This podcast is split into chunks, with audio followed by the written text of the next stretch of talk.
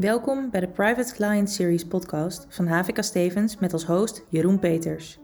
Jeroen Peters is sinds 2019 als taxpartner aan HVK Stevens verbonden.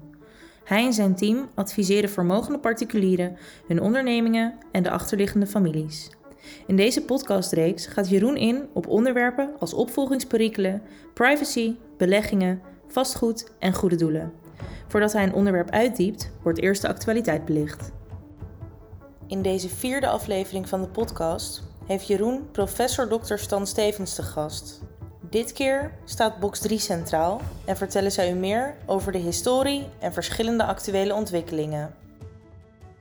Welkom met deze keer aan tafel professor Dr. Stan Stevens van de Universiteit Tilburg, gespecialiseerd in het belastingrecht en ook verbonden aan HVK Stevens als uh, partner. Welkom Stan. Ja, goedemiddag Jeroen. Hè, fijn dat je er bent. Ja, leuk om uh, in jouw podcast te zitten. Vandaag gaan we het hebben over misschien wel een van de belangrijkste fiscale onderwerpen die op dit moment spelen. Samen wellicht met de bedrijfsopvolging. En we hebben het dan natuurlijk over box 3, de vermogenstax. En waar ik vandaag over wil gaan hebben is over de ontwikkelingen die daar spelen, uh, de historie en ja, waar mensen nu tegenaan lopen. En Stan, waar, waar begint het eigenlijk allemaal mee? Ja, het begint uit, denk ik, bij de invoering van, uh, uh, van box 3, 1 januari 2001. Een compleet nieuw belastingstelsel, waarbij de, de, de, belangrijkste innovatie, denk ik, toen was de introductie van van box 3. daarvoor hadden we een belastingstelsel waarbij inkomsten uit vermogen eigenlijk heel slecht belast werden. Het was een gatenkaas. Waarbij het, belangrijkste gat in het systeem toen was dat uh, vermogenswinsten onbelast bleven. En rente en dividendinkomsten en huur, dat was wel belast. En nou, er waren ook nog allerlei andere trucken waardoor je de belastingdruk kon uh, minimaliseren. bijvoorbeeld als je als je aandelen kocht met, uh, met een lening, dan was de rente aftrekbaar. Nou, dus dat leidde tot een, ja, een systeem waarbij inkomsten uit vermogen eigenlijk bijna niet belast konden worden. En dat was een doorn in het oog op dat moment van de politiek, in ieder geval van uh, Gerrit Salm en, en Willem Vermeend.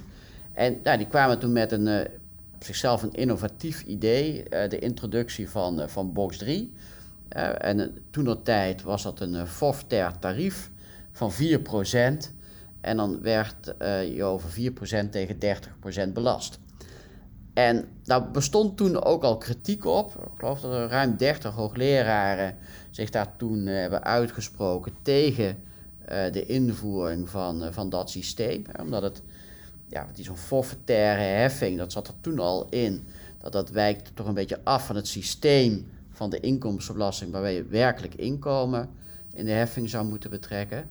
Maar al met al ging dat toch wel goed door de parlementaire behandeling. Want ja, box 3 had een aantal belangrijke voordelen. Uh, het belangrijkste voordeel is stabiele belastingopbrengsten.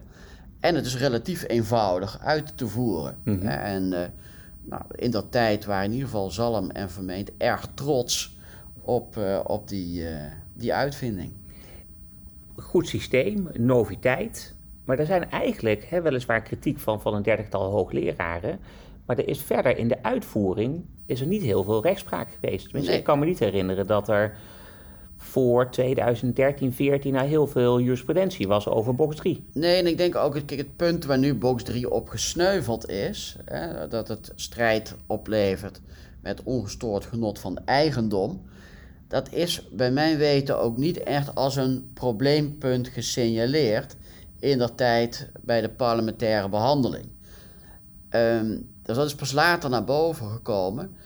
Dat zal denk ik voor een deel ook uh, veroorzaakt zijn door het feit dat bij introductie, ja, weliswaar, de, de techneuten hadden zoiets van, nou, dat is niet helemaal goed dit systeem, want je moet het werkelijk inkomen belasten. Maar de andere kant was, het deed niet zoveel pijn. Want eh, die 4% waar toen eh, belasting over, over betaald moest worden, nou ja, dat kon je in beginsel wel halen. Maar dat, mhm. dat, haalde je ook als je het geld op de bank zette. Dus alleen de groep die, die verliezen maakte met beleggingen, ja, die werden eigenlijk uh, echt getroffen in die tijd. Mhm. Maar voor de, voor de meeste mensen was die 4% nou, redelijk te doen. En de mensen die meer, uh, de belastingplichter die meer inkomen haalden, ja, die gingen niet klagen. Want wanneer is, dan, wanneer is dat aan het rollen gekomen dat box 3 dan eigenlijk niet in de haak is? Nou, je ziet dat de discussie ontstaat uh, op het moment dat de rendementen zijn gaan dalen. En uh, nou, ik denk dat een belangrijk omslagpunt daar is, natuurlijk de financiële crisis. Uh, dus na de financiële crisis 2009, 2010, dan zie je dat die rentes enorm omlaag komen. En dan gaat box 3 pijn doen voor alle ja, voor alle kleine, kleine vermogenden, hè, die vooral het, uh, het uh, geld op de bankrekening hebben staan. En die betalen dan relatief veel belasting. Ja. Hè, en dat leidt gewoon tot interen van vermogen. Nou, en naar aanleiding van dat effect dat, dat mensen zagen van ja, ik moet nu interen op mijn vermogen om belasting te betalen. Ja, toen zijn fiscaal specialisten gaan denken, ja maar wacht, interen op vermogen, dat lijkt op onteigening. En onteigening, dat mag niet zomaar. Dat kan een strijd zijn met ongestoord genot van eigendom. Nou ja, en daar zijn toen procedures over uh, opgestart. of dat dan niet een uh, schending is van het uh, maar recht van ongestoord eigendom. Maar dat heeft uiteindelijk tot veel procedures geleid. De Hoge Raad heeft al een aantal keren de wetgever op de vingers getikt. Ja. En gezegd van ja, hè, kijk daar nog eens naar. Maar dat heeft niet tot, tot de conclusie geleid dat het systeem hè, als systeem niet in de haak was. waarom, waarom dan toch op 24 december, waarom heeft de Hoge Raad toen beslist van ja, het systeem is niet in de haak? Nou ja, misschien nog één tussenstap, Jeroen. Dus de procedures gingen eigenlijk over twee zaken. Eén, deugt het systeem hè, en moet daarvoor de rechter ingrijpen. Nou, dat heeft de Hoge Raad laten lopen. En zegt, nou, daar, branden we onze vingers niet aan, want dan moeten we eigenlijk echte systeemkeuzes maken. En dat is meer de taak van de wetgever dan van de rechter. De Hoge Raad heeft wel altijd een voorbehoud gemaakt hè, voor de, ja, wat we noemen de excessive individual burden. Als een individuele belastingplichtige geconfronteerd wordt met een excessieve belastingdruk, dan uh, was er wel ruimte voor de rechter om in te grijpen. maar wat gebeurde was dat de Hoge Raad greep niet in, maar het probleem was niet weg. Mm de, de belastingplichtigen werden nog steeds geconfronteerd, de kleinere spaarders, met een hele hoge belastingdruk. Dus dat is op een gegeven moment wel aanleiding geweest om nog eens een keer opnieuw te kijken naar de vormgeving van box 3. Ja. En uh, nou, dat weet je ook, dus in 2017 is toen box 3 aangepast. En dan is eigenlijk nog een extra fictie in de wet gekomen. Dus daarvoor hadden we gewoon de fictie van ja, je hebt een totaal vermogen. Daar betaal je 4% eh, of heb je, je 4% forfaitair rendement over. En betaal je 30% belasting over. 2017 is me dat gaan veranderen. En is me eigenlijk gaan zeggen, nou ja, we gaan ervan uit dat iemand met een klein vermogen, dat die vooral in spaargeld zit. En iemand met een groter vermogen, en als het een heel groot vermogen is, dan zal dat voor de volle 100% in aandelen geïnvesteerd zijn. Mhm. En daar is uiteindelijk, denk ik, de Hoge Raad ook vooral over gevallen. Want die fictie, die sluit helemaal niet aan bij de werkelijkheid. Ja. want er zijn uh, mensen met veel vermogen, kunnen er toch voor kiezen om dat vermogen veilig te beleggen. Of ja. risicoavers te beleggen. Eigenlijk zat in die, in die verandering in 2017 ook een prikkel, of bijna een noodzakelijkheid voor belastingplichtigen om een deel van hun vermogen wat risicovoller te gaan beleggen. Omdat eigenlijk de wetgever zei, nou, u heeft dit vermogen, dan moet u wel in aandelen beleggen. Want dat kan bijna niet anders. Ja. En dan, heeft u, dan, dan, dan, realiseert u een bepaald rendement dat wij veronderstellen. En hè, als u dat niet doet, dan is dat gewoon. Ja, dat is uw eigen schuld. Hè, dan had u maar moeten beleggen. Ja. Maar, maar, destijds is het natuurlijk ook al gesproken over van eh, moeten we niet naar werkelijk rendement gaan. Maar daar is destijds bewust niet voor gekozen. En heeft dat, die keuze, en misschien heeft men bewust gekozen dat willen we niet. Of hebben ze die keuze voor zich uitgeschoven. Wat is er toen gebeurd? Nou, ik denk beide. Hè? Men heeft er niet voor, uh, voor durven te kiezen en het is voor uitgeschoven. In 2001 is die discussie natuurlijk ook al gevoerd. je niet het werkelijke rendement uh, in de heffing betrekken. En ik denk dat alle fiscaal specialisten in beginsel, en ook wetenschappers zullen zeggen, dat dat een beter systeem is. Hè, het werkelijk rendement in de heffing betrekken. Er is altijd heel veel verzet geweest aan de kant van uh, Financiën, het ministerie van Financiën. Misschien ook de Belastingdienst. Hè, dat is moeilijk om dat uh, helemaal van elkaar te onderscheiden. En waar me altijd heel bang voor is geweest, is de controleerbaarheid. Mm Dus wil je het werkelijke rendement in de heffing betrekken, is er natuurlijk veel meer informatie nodig dan wanneer je, zoals we nu doen, forfaitair belasting heffen. Ja. En voor het forfaitair heb je alleen gegevens nodig over de omvang van het vermogen en de mutaties. Dus heb ik een winst gerealiseerd of niet? Wat is het rendement dat ik gemaakt heb? Heb ik dividend ontvangen? Heb ik huur ontvangen? Dat is allemaal niet relevant. En uh, ja, dat hebben we wel geleerd uit het oude systeem, hè, waarbij voor, voor 1 januari 2001, daar had je bijvoorbeeld als er vastgoed verhuurd werd, had je uiteraard de discussie met de Belastingdienst over wat zijn de huurkosten, wat zijn de afschrijvingen. Men was bevreesd als je een systeem zou maken wat werkelijk inkomen belast zou worden, dat je al die discussies zou uh, behouden. En men wilde juist naar een simpel ja. systeem. En ondertussen is natuurlijk ook de vooringevulde aangifte en, en wordt het voor de belastingplichtigen steeds makkelijker. Ja, ik denk dat we volgend jaar met een appje alleen nog maar op akkoord hoeven te drukken en dan is je aangifte ingediend. Dus daar ik kan me voorstellen dat het allerlei, tot, tot allerlei problemen leidt. Maar nu is die, heeft die Hoge Raad uitspraak gedaan. Uh, het systeem is niet in de haak. En de wetgever die was weer aan zet. Hè, die moest dat repareren. Wat, wat hebben ze gedaan? Ik bedoel, wat ze nu al gedaan hebben. Wat, ze, wat, wat, hebben ze nu al gedaan? Nou, ze hebben nu nog heel weinig gedaan. Hè, want er, er, liggen alleen nog wat plannen. Eh, maar er is, uh, men heeft rechtsherstel aangekondigd. Want dat, daar hebben we het eigenlijk nog niet over gehad. Maar ik denk wat heel bijzonder is van het kerst, kerstarrest... is dat de Hoge Raad eigenlijk een opdracht geeft aan uh, de wetgever om rechtsherstel te bieden. En dat doet ze niet zo snel. En inmiddels heeft de Hoge Raad ook duidelijkheid gegeven dat dat rechtsherstel alleen maar hoeft te gelden in juridische zin voor de mensen die bezwaar hebben aangetekend. Ja. Dus de mensen die geen bezwaar uh, hebben aangetekend, ja, die kunnen niet vertrouwen op het oordeel van de rechter. Die moeten hopen uh, dat de politiek hen uh, compenseert. En dat is denk ik wat wezenlijk veranderd is. Dus nu wordt er in Den Haag heel erg gebroed nog op wat voor rechtsherstel er geboden gaat worden. Mm nou, inmiddels is de staatssecretaris wel aangegeven dat, ja, uiteraard moet men het rechtsherstel bieden wat, wat de Hoge Raad ook verplicht heeft. Hè. Dus dat zijn de mensen die tijdig bezwaar hebben aangetekend. Ja, en voor alle andere gevallen komt dat niet. Maar hoe dat rechtsherstel precies geboden moet worden, ja, dat is nog een uh, onderwerp van, uh, van onderzoek. Waarbij ik de meest principiële discussie is: ga je dan die mensen die je rechtsherstel moet gaan bieden, ga je tegen hen zeggen: Nou, nee, we kijken naar wat jullie werkelijke rendement mhm. is. Ja, dat zou dan precies goed zijn. Of gaan we dat ook weer forfaitair doen? Ja. het lijkt er nu op dat vanwege efficiency-overwegingen, met toch forfaitaire methode rechtsherstel wil bieden. Nou, de vraag is of dat mag.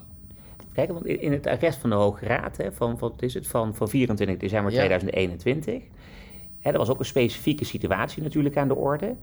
En als ik me niet vergis, heeft de Hoge Raad daar gezegd, in die specifieke situatie, gezegd dat het werkelijke rendement bepaald op 10.000 euro, dat dat in de heffing zou worden betrokken. Ja, maar goed, in die zaak was het werkelijk rendement ook bekend. Ja.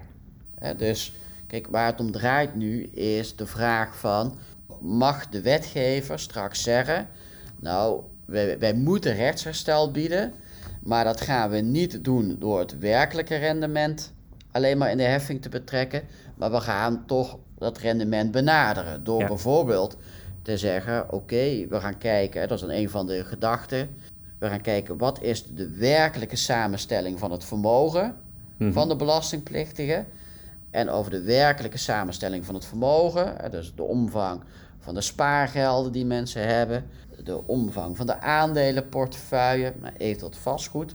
Daar gaan we dan een forfaitair rendement op loslaten, waarbij dat forfaitair rendement dan een benadering is eh, van het rendement wat in de markt bekend is. En Mhm. daar zijn wel bepaalde cijfers voor.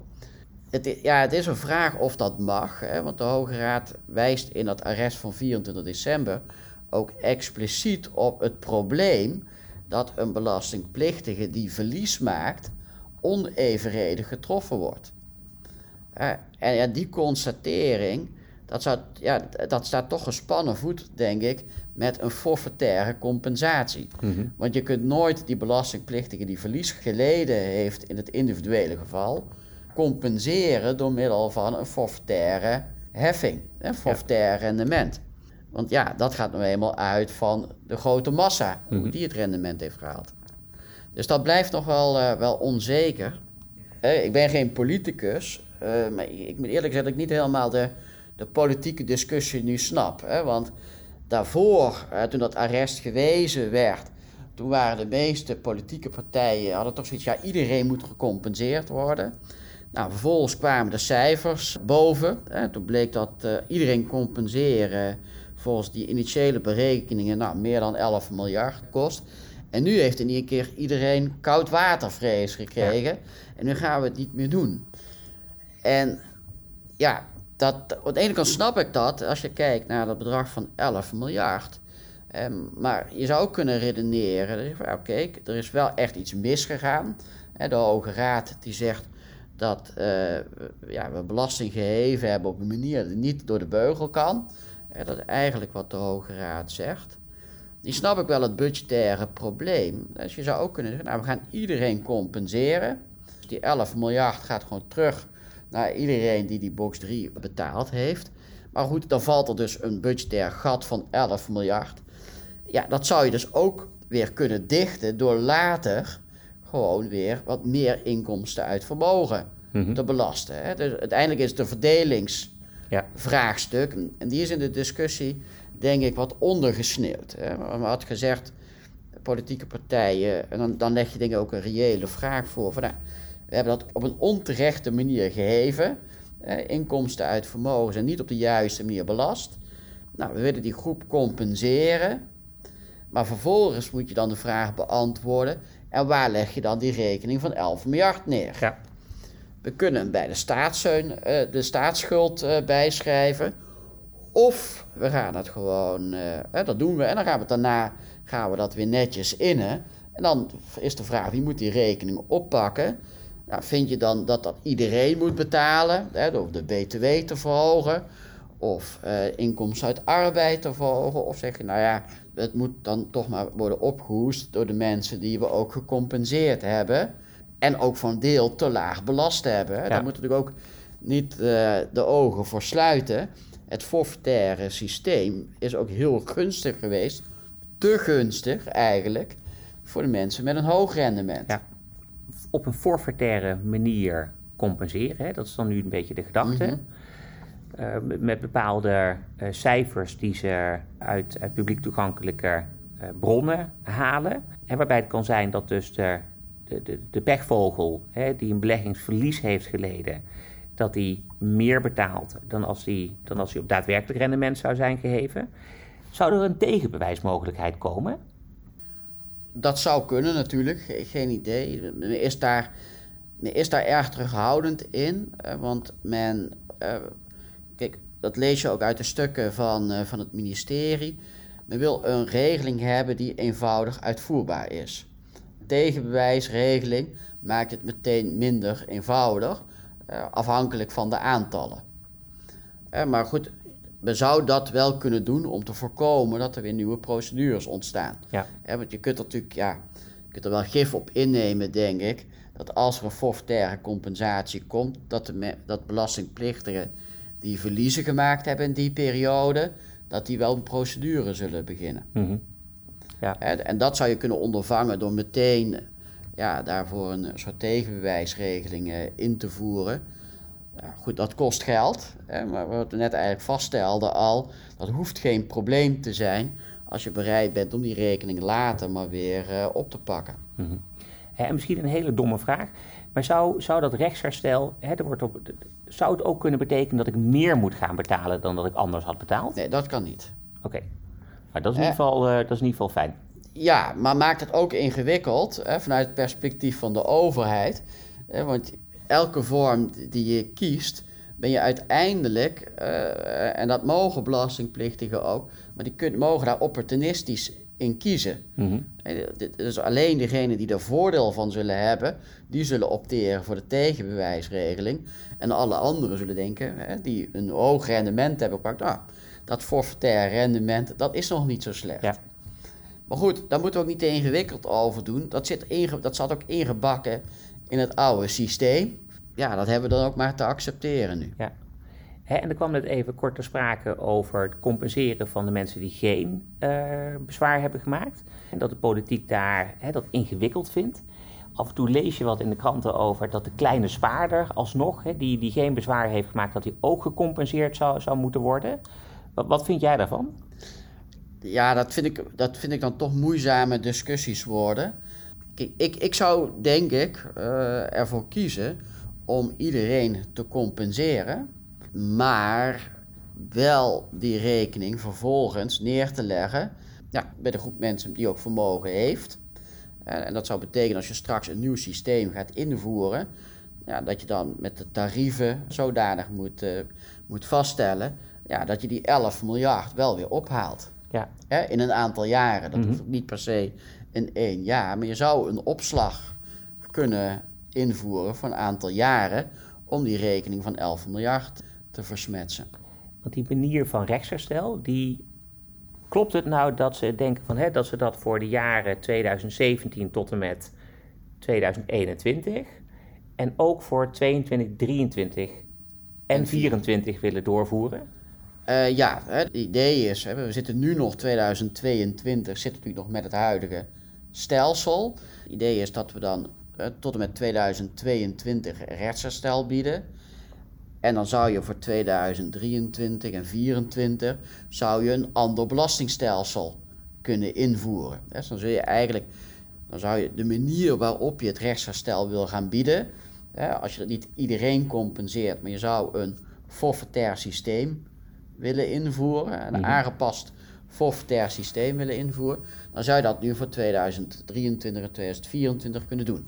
Ja. En dat is wat we net zeiden. Kijken naar het werkelijke vermogen dat iemand heeft, de werkelijke samenstelling. En dat dan met een forfaitair rendement. Ja.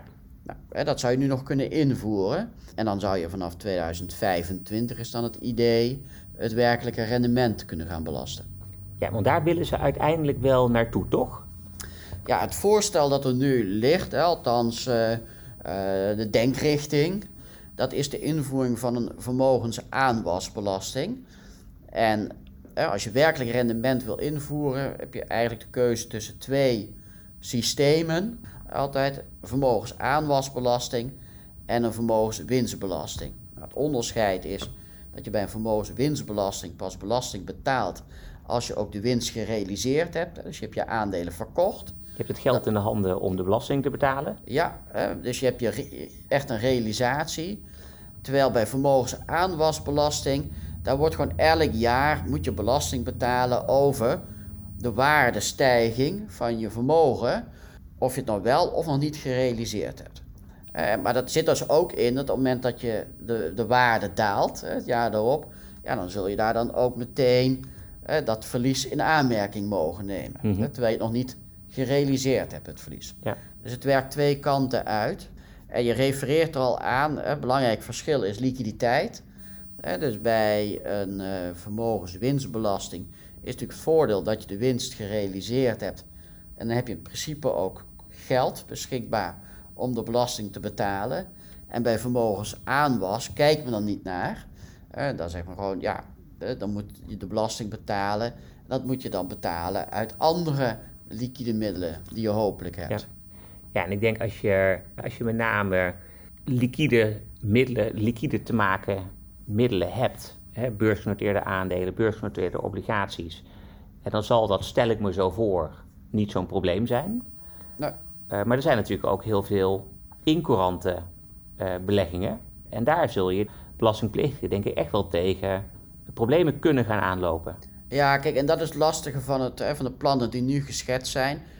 Dat liquiditeitsaspect wordt wel onderkend, maar er wordt nog niet echt een richting gegeven hoe men daarmee om wil gaan. Dat betekent dat, dat je inderdaad zegt, nou, daar gaan we geen oplossing voor bieden. Dus de belastingplichtige moet dat zelf regelen. Ja, dan moet hij een deel van, de, uh, van, zijn bezittingen verkopen. Dan wel naar de bank toe gaan om uh, geld te lenen om, het, uh, om de belasting te betalen. dat zou een lijn kunnen zijn. De, de Belastingdienst zou misschien ook kunnen zeggen van ja, je kunt het bij ons lenen. Mm -hmm. dus je hoeft je de belasting niet meteen te betalen. De aanslag wordt wel opgelegd. Maar je krijgt uitstel van betaling en dan gaan we daar rente over berekenen. Mhm. Maar goed, dat leidt ook wel tot een complex systeem. Hè? Want er worden wel heel veel aanslagen opgelegd met, uh, met uitstel van betaling. Dus dat is nog heel onduidelijk uh, hoe men daarmee om wil gaan. Dus ik, ja, dus ik moet me nog. Ik vraag me wel af of als men het verder gaat uitwerken. Of men dan misschien niet toch tot de conclusie komt dat in ieder geval voor de incourante activa, incourante vermogensbestanddelen, of je daar toch niet een vermogenswinstbelasting voor moet invoeren. Kijk, het belangrijkste voorbeelden van, uh, van incourante activa is natuurlijk vastgoed. Maar ook uh, veel mensen hebben aandelen in hun werkgever. In het kader van een, uh, van een management-participatieplan. Je hebt eerst werknemersopties, die oefen je dan uit. Dan heb je zo'n aandelenpakket. En die kunnen best wel aanzienlijk uh, in waarde schommelen. Mm nou, dat leidt wel tot problemen, terwijl je die aandelen vaak niet kunt verkopen, want lang niet al die, uh, die bedrijven zijn beursgenoteerd. Ja, en natuurlijk ook, hè, wat is de waarde van die aandelen op enig moment? Je krijgt discussie over de waardering. Dus, dat, dus daar spelen ja, bij zo'n vermogensaanwasbelasting spelen wel heel veel uh, ingewikkeldheden. Hey, en is het nou, of is dat veel te makkelijk gezegd? Hè? Uiteindelijk, die, die discussie over box 3 die speelt al jaren. Hè, er wordt al jaren wordt er door Kamerleden gezegd: hè, ga naar uh, werkelijk rendement. Mm -hmm. Liggen er op het ministerie geen plannen klaar die ze zo naar de Kamer kunnen sturen? En hè, zo zijn we het van plan. Nou, ik heb ze nog niet gezien. Er ligt natuurlijk een uh, brief van 17 bladzijden met een analyse over de vermogens. Uh, aanwasbelasting. Dus dat is ook al een teken dat er wel over nagedacht is. Uh, en uiteraard de kenmerken, de problemen die zich voordoen bij een vermogensaanwasbelasting en bij een bij vermogenswinstbelasting, die zijn ook wel bekend. maar goed, zover ik weet zijn, zijn er nog geen wetteksten. Maar goed, ik sluit niet uit dat er ooit eens een keer een concept gemaakt is, Jeroen. dat zou best kunnen, maar ik denk dat er nu naast er in ieder geval over nagedacht wordt. Kijk, er zitten, er zitten heel veel aspecten die nog doorgedacht moeten worden. En een van de heel belangrijke aspecten is bijvoorbeeld, hoe gaan we om met verliezen? Mm En uh, dat is met name ook bij een uh, vermogenswinstbelasting natuurlijk belangrijk. Uh, op het moment dat je, ja, die mutaties belast zijn, je hebt een aantal jaren winsten gemaakt en daar is belasting over betaald en vele jaren later realiseer je een vermogensverlies, ja, nu heb je vaak een beperkte carryback. Je kunt maar één of drie jaar terugwentelen in de praktijk van dat verlies. Ik zou er wel voorstander van zijn als je naar zo'n systeem toe gaat, dat je werkelijk rendement gaat belasten, dat je dan ook veel ruimhartiger gaat worden in je verliesverrekening. En zou je dan zeggen ook over de boxen heen, of zou je dat puur binnen de box houden? Nou, tenminste binnen de box. dat, dat, lijkt me wel het, uh, het, uh, het uitgangspunt dat dat veel ruimer moet zijn. We hebben nu ook met voor aanmerkelijk belang aandelen dat je dat alleen maar binnen box 2 kunt verrekenen. Het enige is dan als er tegemoetkoming en dat als je helemaal niks meer aan inkomen hebt in box 2, dan mag je zeg maar ja, een soort tax credit, hè, dat is het belastingvoordeel dat je zou hebben van dat, van dat verlies wat nog niet verrekend is, dat mag je dan verrekenen in box 1. Mm -hmm ja, goed, je zou naar zo'n dergelijk systeem ook toe kunnen. Natuurlijk in uh, eh, straks voor, uh, nou ja, zeg maar voor het box 3 uh, eh, systeem van werkelijk rendement. Conceptueel denk ik dat het beste zou zijn als je het over alle boxen heen zou mogen verrekenen. in ieder geval door middel van een tax credit. omdat je voor de inkomstenbelasting wil je uiteindelijk belasting heffen naar draagkracht. En, en dan geldt het uitgangspunt het totale inkomen. En dan zou het wat raar zijn als je verliezen niet met elkaar uh, mag uh, verrekenen.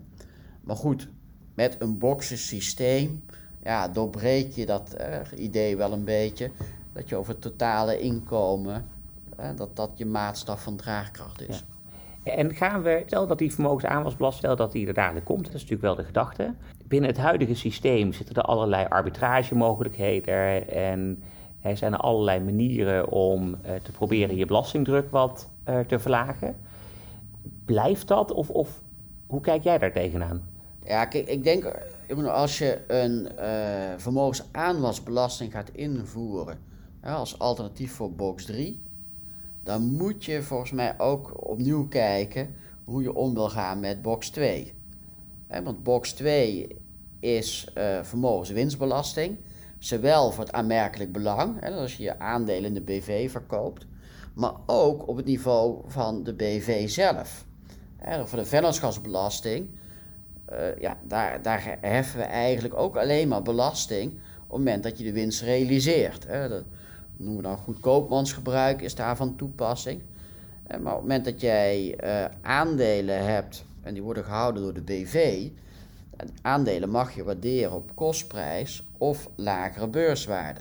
Dus daar, dan betaal je pas belasting bij verkoop mm -hmm. van die aandelen. Ja, ik denk op het moment dat we een systeem gaan creëren waarbij je in box 3 heft elk jaar en in de BV pas heft bij realisatie, ja, dat belastingplichtigen dan gaan arbitreren en gaan kijken, oké, heb ik vermogensbestanddelen waarvan ik het beter vind, hè, mij beter uitkomt om de belastingheffing uit te stellen, dan zal me die gaan houden via de BV. En voor vermogensbestanddelen waarvoor het niet zoveel uitmaakt, zal me dat dan uh, doen in, uh, uh, ja, zeg maar, het, de, de, nieuwe box 3. Ja.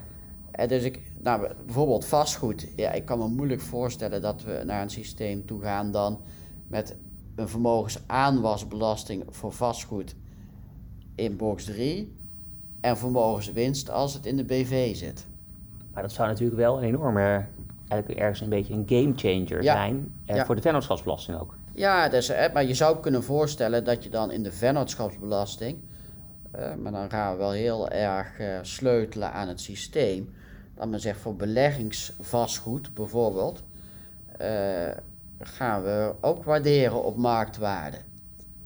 Of we, we, schaffen gewoon de herinvesteringsreserve af voor vastgoed wat verhuurd wordt in de BV. Want we kennen nu eenmaal ook geen herinvesteringsreserve voor verhuurd vastgoed in box 3 straks. Ja dus dat, dat zijn allerlei vragen die nog, uh, nog opkomen. Uh, en ja, uh, goed, er zullen ongetwijfeld ook wetenschappers, of in ieder geval politici betogen.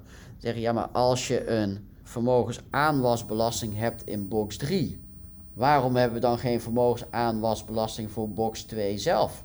Voor de mhm. aanmerkelijk belanghouder. Ja. Het sterkste tegenargument is natuurlijk, ja, maar dat leidt tot diepe ellende als we elk jaar van, van al die familiebedrijven de waarde moeten gaan vaststellen. En dat leidt tot enorme liquiditeitsproblemen. Ik denk dat dat gewoon niet gaat vliegen.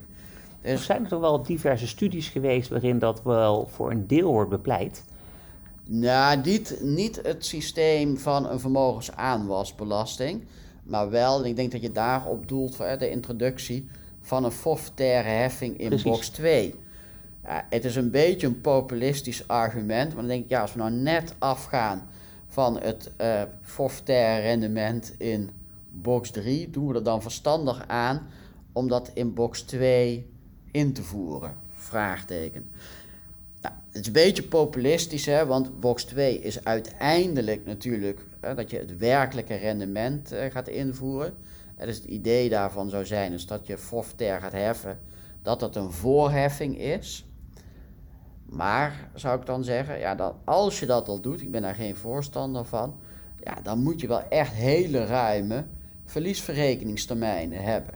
Mm want dat forfaitaire rendement, ja, dat veronderstelt gewoon dat ik elk jaar winst maak. Ja. Terwijl dat helemaal niet hoeft te zijn. De onderneming kan ook in waarde dalen. Ja, dan zou het toch absoluut vereist zijn, denk ik, dat als die waardedaling zich ook voordoet, dat je al die forfaitaire heffing uit het verleden dan terugbetaald krijgt. Ja. En want dat staat, ja, dan sta je echt op gespannen voet met het systeem van box 2, dat je niet meer dan het werkelijk rendement in de heffing wil betrekken. Maar goed, volgens mij moeten we daar gewoon helemaal niet naartoe, naar dat uh, uh, een systeem van, uh, van forfaitaire heffing in, in box 2. als je vindt dat de belastingdruk, en dat is een politieke discussie, de belastingdruk te laag is in, in box 2, nou, dan moet je iets aan tarieven doen, dat is ook al voorgesteld in de voorjaarsnota. En als je vindt dat er te veel belastinguitstel is, dan lijkt de andere kant, met name op beleggingsvermogen, nou, dan zou je kunnen overwegen als wetgever om uh, voor beleggingsvermogen sneller te gaan heffen in de vennootschapsbelasting. En ik denk dat dat relatief makkelijk in te voeren is. En dan zou je gewoon een bepaling in de wet opnemen dat beleggingsvermogen gewaardeerd moet worden op marktwaarde. Nou, en dan zou je voor uh, vastgoed, want dan uh, gaan meteen de, de, de discussie starten. Ja, maar hoe zit dat nu met vastgoed? Hè? Is dat beleggingsvermogen of niet? Ja, daar zou je dan de fictie kunnen opnemen in de wet. dat al het vastgoed dat verhuurd wordt aan derden, dus niet binnen de eigen onderneming eh, gebruikt wordt, dat dat uh, beleggingsvastgoed is. Zorgt natuurlijk ook voor veel discussies voor de, over de bedrijfsopvolgingsregeling. Hè, of iets vast, of vastgoed nou vuurt vastgoed, of dat nou wel of niet een onderneming is, beleggingsvastgoed. Nee, kijk, als je die fictie invoert, ben je daar natuurlijk vanaf dus als je die kant uit zou willen als, uh, als, uh, uh, als politiek, dan denk ik dat dat wel relatief makkelijk te realiseren is. Ja. fiscaal technisch. Ja, want aanmerkelijk belangtarief voorgesteld is nu om dat per 24 te verhogen naar 29,5% voor zover er meer wordt uitgekeerd dan, zeg ik uit mijn hoofd, 67.000 euro. Ja. Ik denk heel vers van de pers hebben GroenLinks en Partij van de Arbeid een initiatiefwetsvoorstel naar de mhm. Kamer gestuurd. Uh, waarin ze zelfs uh, voorstellen om het nog verder te verhogen naar het aanmerkelijk belangtarief naar meer dan 40%. Ja, volgens mij zelfs naar het toptarief in de inkomstenbelasting. Ja, het kwam erop neer dat de uh, gecombineerde box 2 en vennootschapsbelastingheffing en dan de, het 15% tarief in de vennootschapsbelasting, dat dat gecombineerd op 49,5% uitkwam. Ja, precies, maar dat is 15%. Ja. Hè, maar er zijn natuurlijk ook ondernemingen die gewoon 25% ja. vennootschapsbelasting betalen. En dan kom je dus uit op een tarief boven het toptarief van box 1. Ja, ja dan was het zelfs 56% kijk, En dat lijkt mij gewoon niet logisch. Hè? Kijk, Als je, uh, van welk politiek spectrum je bent, als je zegt van nou wij vinden dat het marginale tarief voor de directeur groot aanlouder voor kapitaalinkomen, dat dat tenminste gelijk moet zijn aan inkomsten uit arbeid. Nou oké, daar kun je voor zijn, hè, maar dan moet je gewoon kijken van wat is de, de, de, de VPB-druk en dan pas je daar dan het AB-tarief op aan, zodat je dat marginale tarief gelijk is. Maar ik denk dat er geen redelijk argument is om te zeggen, ja nee, dat moet nog meer worden dan het uh, toptarief in, uh, in box 1. Ja, tenzij je e-, echt, misschien is dat de achterliggende gedachte, dan, we, dan wil zeggen, ja, we willen gewoon echt gaan herverdelen. Hè, dus de ondernemingen die een winst hebben van, uh, ja, zodat je boven de 15% VPB-druk uitkomt, nou ja, die zijn zo winstgevend, ja, die kunnen dus meer belasting betalen dan het uh, toptarief in, uh, in de inkomstenbelasting. Ja. ja, maar goed, het zijn wat meer politieke discussies. Ik denk dat dat gewoon, ja, dat, we daar toch wat te ver in, uh, in door aan slaan is. Ja, en ik nu als belastingadviseur en, en heel veel hè, onze collega's, hè, we worden natuurlijk nu geconfronteerd met de vraag van, hè, van belastingplichtigen, van klanten. We willen een investering doen. Hoe moeten we dat structureren? En dat is natuurlijk op dit moment een beetje een soort black box. Ja, kijk, zeker voor, uh, voor de meeste investeringen kun je misschien nog wel flexibiliteit inbouwen. Hè, dat je het weer kunt overhevelen van privé naar de BV of vice versa. Alleen voor onroerend goed wordt het wel lastig. Want ja, als je dat wil uh, herstructureren, dan loop je tegen nou, straks uh, misschien meer dan 10% overdrachtsbelasting aan. Dus daar heb je wel echt een, eh, ja, een, een dilemma. ik denk dat daar geen pasklare antwoord voor is, uh, nog Jeroen. Mij lijkt dat die vermogensaanwasbelasting nog best wel eens tot problemen kan gaan leiden.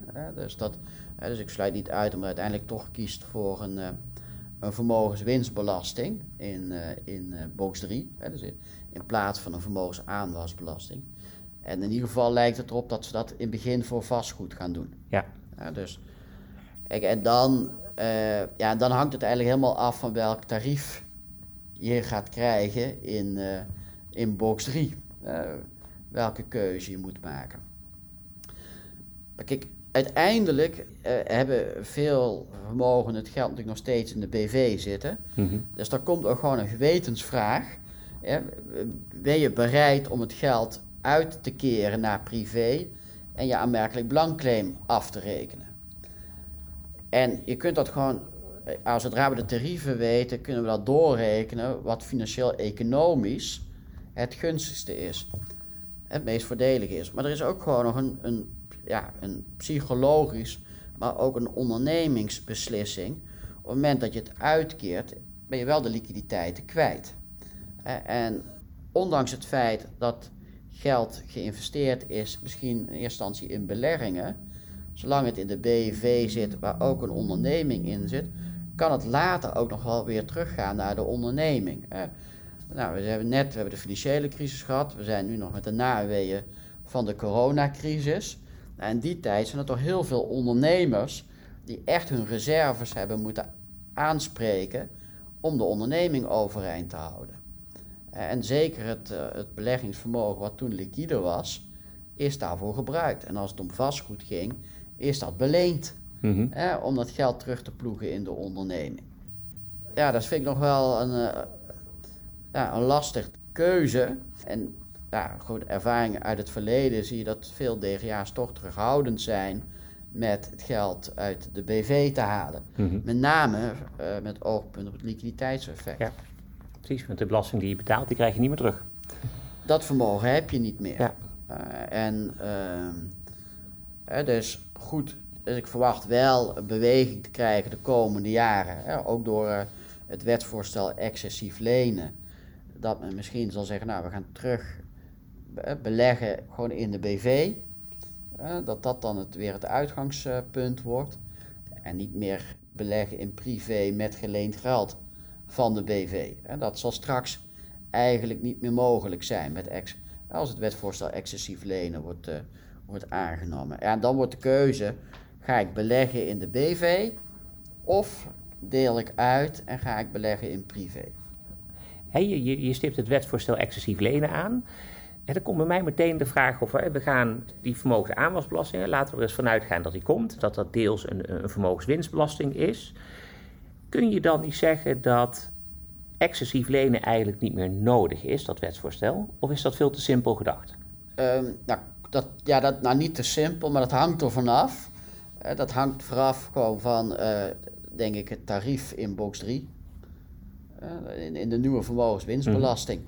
Ja, als dat tarief redelijk vergelijkbaar is met de gecombineerde belastingdruk die je hebt in de BV in combinatie met het AB-tarief, ja, dan is het niet meer aantrekkelijk om privé te beleggen.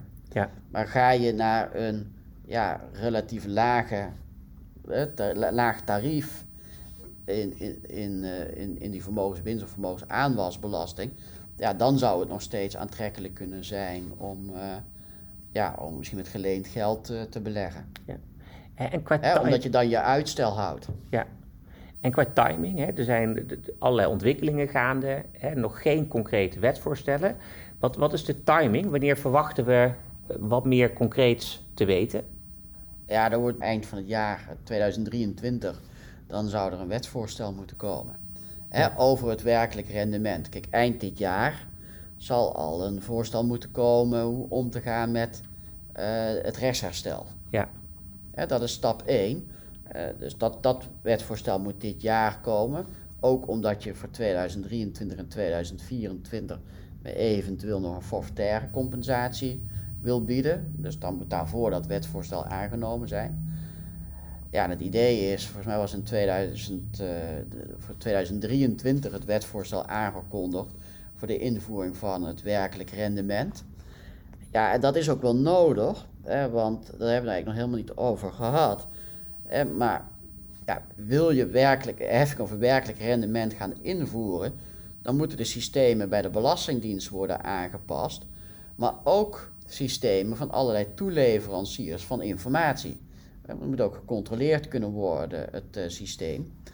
En met name uh, banken, hè, die zullen natuurlijk de belangrijkste toeleverancier van informatie. Hè, want die zullen het werkelijke rendement van groot deel door kunnen gaan geven van al hun cliënten. Van nou, wat zijn de vermogenswinsten die men behaald heeft, wat is de rente, wat is de dividend die men ontvangen heeft. De, daar zal men toch denk ik wel graag op willen steunen. Dus ja, wil je een systeem van werkelijk rendement invoeren, dan moet je weten welke data je nodig hebt. Als je weet welke data je nodig hebt, dan kunnen nou, onder andere de belastingen en banken en verzekeraars, die kunnen dat dan in, eh, in hun systemen aanpassen, zodat ze in staat zijn om die informatie straks uit te wisselen.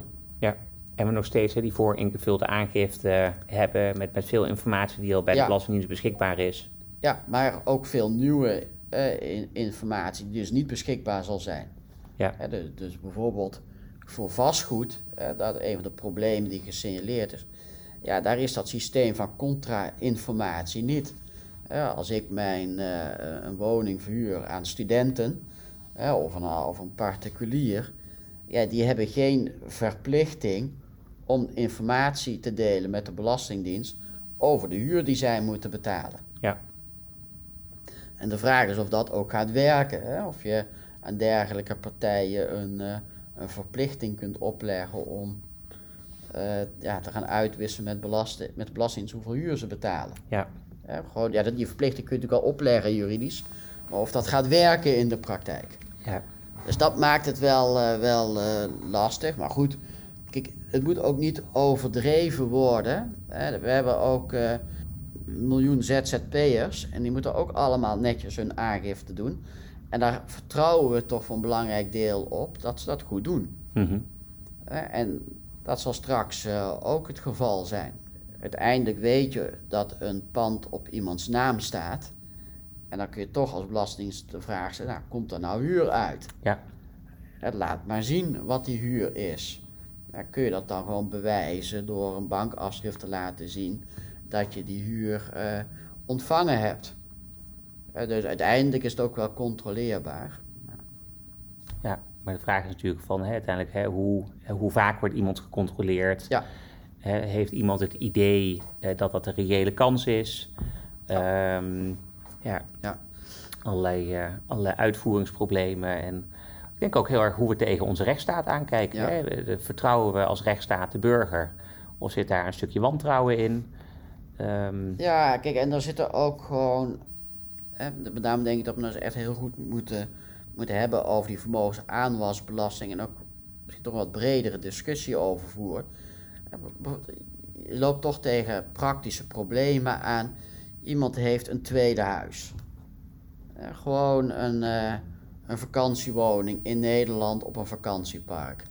Ja, hoe gaan we daarmee om? Straks in het systeem. Hè? Zijn die onderhoudskosten dan aftrekbaar of niet? Ja. Mag je erover afschrijven of niet? Uh, als dat in waarde stijgt, die woning, moet je dan ook meteen belasting betalen? En dat, en dat kan best wel ook tot, ja, tot weer een hoop discussie leiden. Want dan zullen ja, niet iedereen die een tweede woning heeft, is, is heel vermogend of heeft nog heel grote andere neveninkomsten. dus daarvoor zie ik ook nog wel wat maatschappelijke weerstand.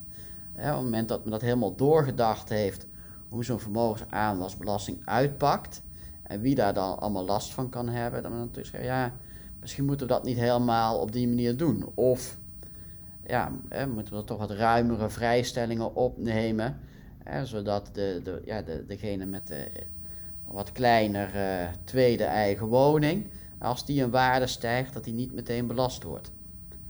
en misschien ook dan iets te veel als, als een olifant door de porseleinkast heen aan de banjeren ben, maar als je dit zo zegt, dan denk ik ook meteen aan de, gewoon de eigen woning. Waar natuurlijk ook al jarenlang discussie over is, en een regeling die totaal onuitvoerbaar is geworden, uh, zou die niet meegenomen kunnen worden? Ja, dat kan natuurlijk wel, Jeroen. Maar ik denk dat je dan, waar we het net over hadden, over maatschappelijke weerstand, dat die dan wel de pijngrens benadert. Want dat, ik denk dat veel mensen het niet accepteren dat in de woning waarin ze wonen, als die een waarde stijgt, dat ze dan ook meteen in de inkomstenbelasting over die waardestijging ook al belasting moeten betalen. Ja. dus ik, ehm, maar kijk, en die eigen woning is ook altijd een wat ingewikkeld fenomeen. Want aan de ene kant is de eigen woning een beleggings. je, je, eh, een belegging, je hebt erin geïnvesteerd. En aan de andere kant zit er ook gewoon een consumptieaspect aan. Want ja, als je geen eigen woning hebt, dan zou je een woning huren. Dus dat zit altijd een beetje een hybride vorm in. Dus het lijkt toch wel het meest voor de hand liggende eh, dat je voor de eigen woning nog steeds een aparte regeling uh, maakt. Nou ja, je zou hem bijvoorbeeld volledig kunnen defiscaliseren. dus, dat is geen eigen woning forfait, maar ook geen uh, kostenaftrek. Nou, goed, dat heeft als nadeel dat je het. Ja, dan wordt, als je een hele grote eigen woning hebt, dan wordt er een aanzienlijk deel van het vermogen niet belast. dat, dat negeert dan een beetje die beleggingskant. dus je zou daar wel naar een systeem kunnen ja, blijven gaan met een forfaitaire heffing. tegen een bepaald percentage, met misschien een vrijstelling tot een bepaald bedrag, tot de gemiddelde eigen woningwaarde in Nederland.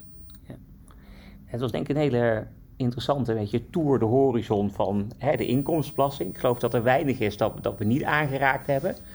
Maar tegelijkertijd hè, nog heel veel onduidelijkheden. Hè. We, we, zijn nog aan het wachten totdat er concrete wetsvoorstellen komen. Ja. Hè, aan het wachten waarmee hoe er tegenaan wordt gekeken. Ik denk dat uh, de geopolitieke situatie, dat die daar ook een belangrijke rol in uh, zal spelen. En uh, hoe, hoeveel, hoeveel belastingopbrengsten we nodig gaan hebben. Zou je uh, wat later in het jaar deze sessie nog een keer willen doen? Nou, zeker, Joen. Ik denk zodra er concrete wetvoorstellen liggen, uh, dat we dan ook uh, concreet antwoorden kunnen geven op nou, de impact voor, voor belastingplichtigen en ook op bestaande structuren. en, wel, en dan wel de vraag kunnen beantwoorden: wat zouden we moeten veranderen? Ja. En daar kom ik graag terug. Nou, gaan we dat doen. Dankjewel, Stan. Ehm, de volgende keer gaan we het hebben over de uh, bedrijfsopvolgingsregeling. Uh, een ander hot item, maar daarover de volgende keer meer. Dankjewel voor het luisteren.